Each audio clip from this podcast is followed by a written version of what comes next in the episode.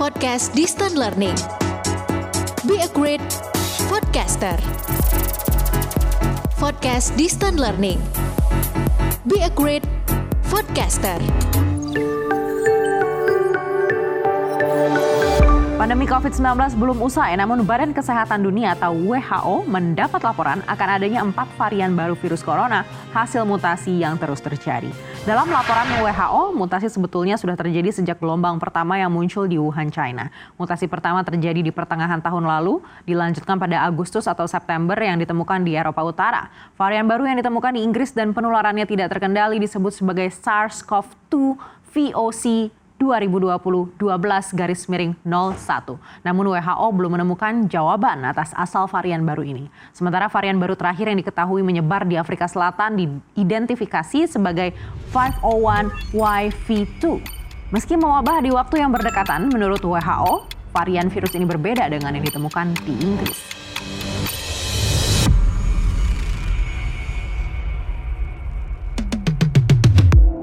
Lovers, jumpa lagi di VDL Arjuna Radio Edukasi. Setelah kita dengarkan contoh berita tadi, ada hal-hal apakah yang harus kita perhatikan dalam membaca sebuah berita?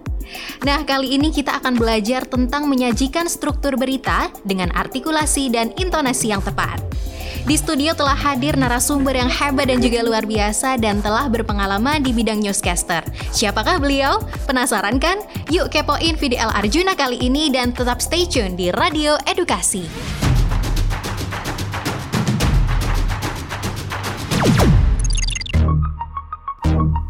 Oke video lovers, kembali lagi kita di VDL Arjuna. Di hadapan saya nih telah hadir narasumber hebat kita Seorang newscaster handal. Yang menemani kita di acara VDL Arjuna kali ini Untuk 30 menit ke depan. Yuk kita sapa terlebih dahulu Beliau adalah Mbak Marta Sasongko. Halo selamat pagi Mbak Marta. Halo Mbak Asa Aduh seneng banget diajak ke sini dong. Seneng banget dong tentunya VDL Arjuna juga udah gak asing nih sama Mbak Marta Sasongko ya kan? Hmm. Nah kita pagi hari ini kita akan membahas seputar bahwa intonasi tidak hanya urusan bernyanyi. Kira-kira apa sih intonasi kok tidak hanya bernyanyi ya Mbak ya? Memang dipakai pas apa aja sih? Kalau kita baca berita juga pakai intonasi Wow. Jadi nggak cuma nyanyi aja yang pakai Mhm. intonasi Mbak Asa Oke, jadi hari ini kita akan belajar tentang apa aja nih Mbak Marta? Hari ini kita mau belajar tentang bagaimana menyajikan berita yang baik Mbak Mhm. Asa Dan Oke. i- untuk itu ada beberapa hal yang harus kita perhatikan Mhm. Nah yang pertama itu kita nanti bicara dulu tentang struktur berita Wah, apa tuh Mbak tentang struktur berita nih? Apa yang perlu kita perhatikan? Iya nanti ya Mhm. Nanti kita akan bahas lebih dalam Kemudian yang kedua intonasi dan artikulasi Itu yang tadi ditanyain Mbak Asa Hmm, oke baiklah Video Lovers kembali lagi karena kita bersama dengan Mbak Marta yang luar biasa Jadi langsung saja nih Mbak Kita harus memperhatikan apa sih Mbak untuk struktur berita di radio ini? Betul. Nah, struktur berita itu ada tiga teman-teman ya. Hmm, VDL lovers kalau mau eh, kalau mau bikin berita, tiga hal ini penting banget untuk kita eh, kita bikin. Yang pertama adalah lead, hmm, kemudian body atau isi berita, dan berikutnya write out. Nah, mulai dari lead dulu ya Mbak Asa ya. Iya oke kita bahas lead Betul, lead itu adalah pembuka, yaitu naskah yang kita baca sebelum potongan audionya terdengar. Jadi fungsinya ini sebagai penggoda, bikin kepo, bikin penasaran para Mhm. pendengar untuk pengen denger ini eh, berita intinya itu kayak apa. Mhm. Hmm, contohnya gini nih. Gara-gara tidak bertepuk tangan pada Kim Jong Un, Menteri Pertahanan Korea Utara dieksekusi. Wah, kan? Wow gitu. Jadi, hah? Masa sih? Gitu kan?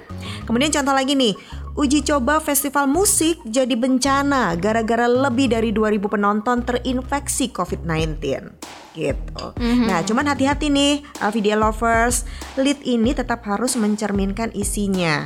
Jadi nggak jangan cuma bikin lead yang keren Mhm. supaya orang kepo tapi isinya biasa aja. Nanti Atau malah bahkan malah nggak ada isinya yang ada di Ah, dalam itu judulnya dia. Nanti itu jadi hoax kalau Mhm. seperti itu ya. Wow Bisa juga leadnya bentuknya pertanyaan Mbak Asa. Mhm. Contohnya, benarkah mengkonsumsi madu tidak selalu menyehatkan?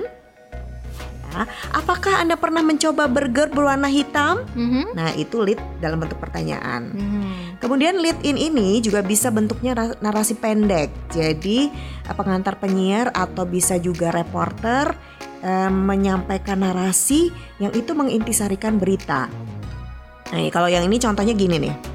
Apa yang membuat tenaga honorer tetap bertahan bekerja? Padahal kenyataan di lapangan, tenaga honorer hanya digaji tiga bulan sekali. Bahkan gaji tiga bulan itu hanya setara dengan gaji satu bulan PNS. Nah, itu contohnya lead Oke, bahasa. itu tadi kita membahas seputar lead. Kemudian setelah lead ada apa lagi nih Mbak Marta? Nah, setelah lead tentunya inti beritanya dong ya. Jadi body atau isi atau inti berita. Nah, kalau yang ini Mbak Asa saya selalu sampaikan kepada para jurnalis, kalau kita bikin berita ada banyak hal yang kita perhatiin, tapi prinsip ABC ini yang paling penting nih. Apa tuh ABC? Bukan merek kecap ya. Oh bukan, atau merek baterai? Oh, jangan. bukan juga ya. Jadi ABC itu adalah accuracy, balance, dan clarity. Wah ini jurnalis ke mana-mana harus bawa ini ABC. Accuracy atau keakuratan. Jadi kalau kita bikin berita, berita yang kita sampaikan ke pendengar itu harus akurat, harus sesuai fakta. Benar, memang itu benar ada beritanya, valid dan bisa kita pertanggungjawabkan. Jadi kita sebagai reporter, jurnalis harus menggali data dan fakta itu dari sumber yang bisa kita percaya, Mbak Asa. Iya. Kemudian jangan lupa kita konfirmasi lagi ke pihak terkait dan yang terakhir lagi cek recheck. Data dan fakta ini kita cek lagi dan kita recheck lagi. Itu akurasi ya. Oke. Kemudian balance atau berimbang. Gak boleh eh, berpihak pada satu pihak saja. Gak boleh sebelah aja yang diuntungkan. Pihak yang lain enggak. Jadi sudut pandangnya kedua belah pihak ini harus kita sajikan secara proporsional dan berimbang. Hmm. Jadi balance. Kemudian yang ketiga clarity atau kejelasan. Nah ini kita nanti juga eh, apa namanya kita pelajari di intonasi dan artikulasi ya. Bahasa yang kita gunakan harus clear, jelas, gampang dimengerti oleh pendengar kita. Wow. Satu lagi biasa. jangan lupa nih bahasa ada yang namanya rumus 5W 1H. Satu H. Pasti video Itu lovers udah nggak asing lagi nih, ya kan? Untuk Betul. 5W 1H ini dibawa ke mana-mana juga nggak kalah pentingnya sama ABC tadi. Mm-mm. Luar biasa. Setelah dari body kemudian lead ada apa lagi nih Mbak Marta? Terakhir penutupnya Mhm. yaitu write out. Ini adalah kalimat yang berisi kalimat penutup yang kadang-kadang kita sebut dengan tagline bahasa. Biasanya ini kita gunakan sebagai sinyal pada pendengar kalau beritanya udah mau selesai. Yang ini nih topiknya Iya. dan mau pindah ke berita selanjutnya. Biasanya kita kasih eh, bentuknya kayak kesimpulan gitu ya. Ah, saya kasih contoh nih, misalnya tadi kan ada eh, berita tentang burger ya. Iya. Nah, eh, write out-nya jadi begini nih. Jadi, apakah Anda mau coba burger warna hitam ini? Gitu. Oke, itu untuk mengakhiri bahwa ini beritanya sudah selesai. Ya, betul. Dan nanti mau coba atau enggak itu keputusan dari pendengar. Betul. Oke, itulah tadi video lovers ada lead, body dan juga write out. Kembali lagi di Video Arjuna bersama saya Asa Salsabila dan juga Mbak Marta. Nah Mbak Marta setelah tiga hal yang berupa struktur berita tadi, ada apa saja sih yang harus diperhatikan ketika kita ingin menjadi newscaster yang baik? Ya, ini judulnya dan tadi Mbak Asa udah kepoin dari awal. Mhm. Artikulasi dan intonasi video lovers. Nah, artikulasi itu apa sih? Biar gampang inget-ingetnya tuh gini Mbak Asa. Artikulasi itu A I U E O. Oke. Jadi cara pengucapan, cara pelafalan saat kita mengucapkan kata-kata itu artikulasi. Fungsinya apa sih? Supaya kita efektif nih kalau kita sedang menyampaikan informasi. Nggak terjadi salah paham, nggak terjadi miskomunikasi, nggak terjadi mispersepsi. Mhm, Nah itu dia. Jadi apa yang kita ucapkan clear. mhm, Jelas. Terus jelas betul. Terus juga artikulasi ini bisa kita gunakan untuk membedakan makna kalimat bahasa. Mhm. Soalnya gini nih, di dalam bahasa Indonesia itu kan ada beberapa kata yang kata-katanya sama, ucapannya mungkin mirip, tapi artinya, bisa beda. Iya. gitu. Contohnya apa sih Mbak Marta? Contohnya yang ini homonim bahasa. Mhm. Jadi kalau homonim hom- homonim ya itu katanya sama, tulisannya sama, ya diucapkannya sama tapi artinya beda.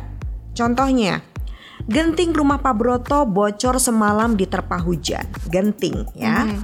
Suasana ruang ruang UGD sangat genting. Karena terdapat korban kecelakaan. Oke. Nah, itu homonim. Iya, sama-sama genting tapi beda arti. Betul. Hmm. Maka kita harus mengucapkannya dengan jelas, clear. Yang kedua, homofon bahasa. Mhm, Kalau yang ini sama ucapannya, tapi tulisannya beda. mhm. Artinya beda.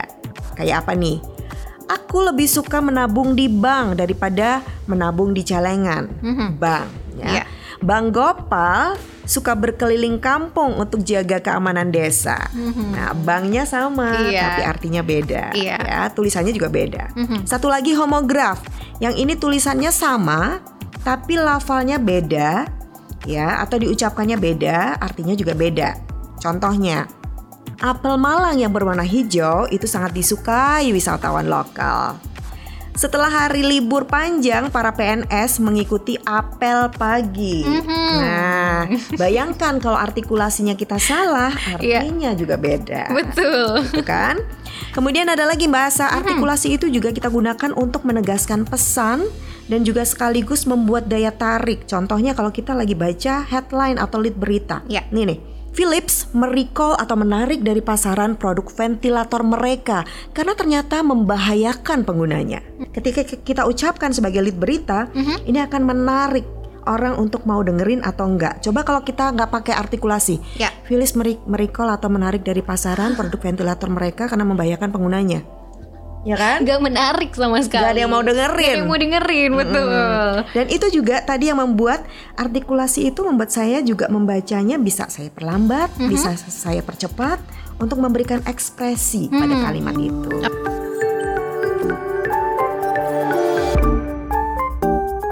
Baik video lovers, tadi kita sudah membahas seputar artikulasi ya. Ada beberapa tadi yang sudah dijelaskan oleh Mbak Marta. Sekarang kita ingin bertanya kepada Mbak Marta, sebenarnya intonasi itu apa sih Mbak Marta? Oke masa. Nah kalau intonasi itu, kalau tadi artikulasi itu pengucapan, intonasi itu adalah lagu, nada, ya. Kalau kita ngomong itu kan ada nadanya nih, nggak cuma satu nada. Kalau eh, satu nada nanti kayak gini nih.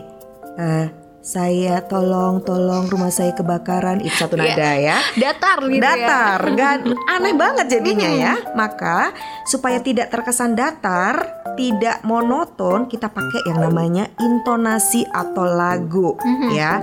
Dengar eh, suara robot, ya. Suara robot itu kan juga satu nada nih. Ya mau pesan apa, gitu kan? Itu suara robot.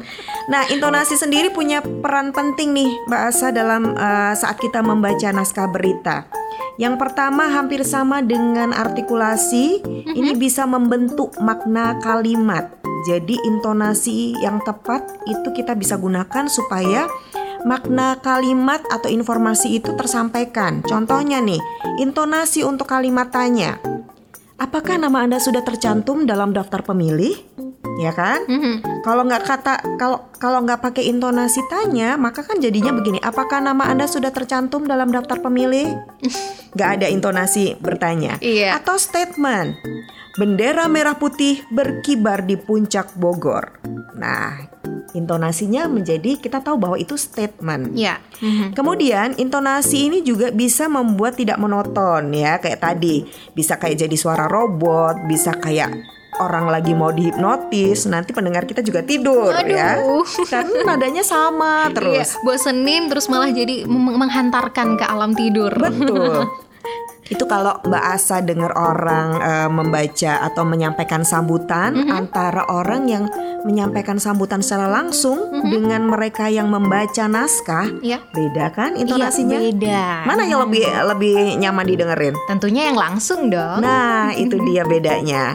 Semoga video lovers bisa membedakan juga ya. Mhm. Kemudian, intonasi ini bisa kita gunakan untuk memberikan penekanan pada kata tertentu yang itu merupakan bagian penting dari kalimat. Wah. Kalau bahasa tulis kan kita bisa gunakan eh, dipertebal, Iya, bold, dipertebal. di garis bawah atau underline. Underline. Nah, dalam kita berucap bertutur kan nggak mungkin. Mhm. Jadi kita gunakan stressing atau penekanan ketika kita menggunakan intonasi. Contohnya, seorang pria menyerang sesama penumpang dengan sebilah pisau di kereta komuter Tokyo kemarin malam dan melukai 10 orang. Wah. Di mana yang penting? Yang penting adalah sebilah pisau. Nah, karena Wah. saya memberikan tekanan di sana. Dan itulah juga intonasi eh, fungsinya sebagai ekspresi. Em, kalau aktor itu ekspresi lewat wajah, gestur, suara itu berekspresi lewat intonasi, Mbak Asa. Hmm. Kita bisa gunakan untuk misalnya suara gembira, semangat, marah, sedih, itu kan ekspresi. Ya. Kita gunakan dengan intonasi, ya kan? Mhm. Kemudian kalau un- untuk berita sendiri kita bisa gunakan intonasi ini juga untuk menarik perhatian pendengar. Tadi sudah saya contohkan betul. bagaimana membaca lead berita. Mhm. Contoh lagi ya supaya nggak lupa ya. Intonasi dalam berita nih. Halo VDL lovers, tahukah kamu 10 idol K-pop super ganteng yang dinilai sebagai bintang sejak lahir karena segudang talenta dan karisma yang dia miliki. Wah. Ayo, siapa aja? Pasti video lovers tahu jawabannya. Iya dong, langsung keluar jawabannya ya Mbak saya. Oke baiklah. Nah ini tadi seputar intonasi, fungsi intonasi dari mulai ekspresi, kemudian tadi juga bisa menjelaskan penekanan-penekanannya, begitu luar biasa. Nah Mbak Marta, ini kan ada juga beberapa penyampaian berita yang bisa kita lakukan, artikulasi dan juga intonasinya. Boleh nggak dikasih contoh nih pembacaan sebuah berita dengan memperhatikan artikulasi dan juga intonasi? Boleh, yuk kita coba ya. Em, saya siapin dua bentuk berita. Yang pertama adalah human interest, ya Oke. Mbak saya. Berarti kalau human interest kita bisa gunakan artikulasi dan intonasinya lebih santai. Mhm. Kemudian nanti yang kedua news, jadi kita bisa bicara atau lakukan intonasi dan artikulasi lebih formal, Oke. ya. Ini yang human interest dulu ya. Media lovers. Ternyata aktor Ferry Maryadi pernah gagal casting penyiar radio gara-gara logat. Siapa yang gak kenal artis peran Ferry Maryadi? Dikenal sebagai artis yang kental dengan logat Sunda dalam ucapan-ucapannya. Dan ternyata itu yang menjadikan Ferry sempat gagal jadi seorang penyiar radio. Jadi awalnya pada tahun 1992 Ferry Maryadi sempat mencoba mengembangkan sayap ke dunia radio. Lalu ia pun mengikuti casting di sebuah stasiun radio di Jakarta untuk jadi penyiarnya. Dan gagal karena logat Sundanya yang kental. Logat Sunda ini memang sudah melekat ke dirinya dari sebelum ia jadi model di industri hiburan tanah air. Walaupun gagal menjadi penyiar radio, pada akhirnya Ferry Maryadi berpikir bahwa ia seharusnya bangga karena memiliki bahasa ibu yang masih melekat dalam dirinya. Wah, Gitu. ini gaya intonasi yang lebih santai atau human interest ya. Ini Benar. beritanya juga ringan nih. Nah, kalau sekarang yang berita yang sedikit formal itu bagaimana Mbak Marta? Oke, kalau yang ini berita atau news ya. Mhm. Munculnya kasus baru COVID-19 tidak menyebabkan terjadinya panic buying di China. Menurut Kompas.com, Duta Besar Republik Indonesia untuk China, Jauhari Ortmangun mengatakan, munculnya kasus baru COVID-19 di negara itu tidak menyebabkan terjadinya panic buying seperti yang ramai diberitakan. Karena belajar dari pengalaman, stok selalu tersedia di sana. Antrian memang terjadi, tetapi antrian itu adalah untuk melakukan polymer chain reaction atau PCR test. Menurut Jauhari, munculnya varian baru di China membuat pemerintah Tiongkok kembali mengimbau masyarakat untuk memperketat protokol kesehatan, meningkatkan tracing, dan melakukan percepatan vaksinasi COVID-19. Pemerintah China juga kembali membagikan masker, meningkatkan protokol kesehatan seperti cuci tangan, mengukur suhu tubuh, dan mengaktifkan health kit. Sementara itu kegiatan sekolah dan kegiatan lain yang berisiko tinggi juga ditunda sementara waktu. Begitu juga objek wisata yang high atau medium risk ditutup untuk sementara. Meski begitu kehidupan masyarakat di China tetap normal. Hanya saja protokol kesehatan lebih diperketat. Wah, luar biasa nih switch ya dari santai kemudian bisa menjadi formal dengan penekanan-penekanan tertentu di setiap katanya. Luar biasa. Video lovers, demikian tadi adalah penjelasan dari Mbak Marta tentang cara penyajian berita yang baik. Nah, untuk mengakhiri pembelajaran kita kali ini, silahkan video lovers membuat tugas yaitu membaca sebuah berita dengan intonasi dan juga artikulasi yang jelas. Unggah hasilnya ke podcastmu dan mintalah gurumu atau teman sekelasmu untuk mengapresiasi karyamu. Apakah karyamu kurang baik, cukup, atau bahkan istimewa? Minta juga guru dan temanmu untuk menuliskan masukan untuk karyamu. Selamat berkarya, video lovers!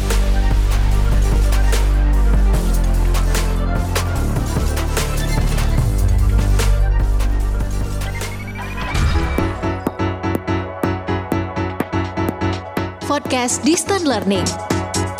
Be a great podcaster. Podcast Distant Learning. Be a great podcaster.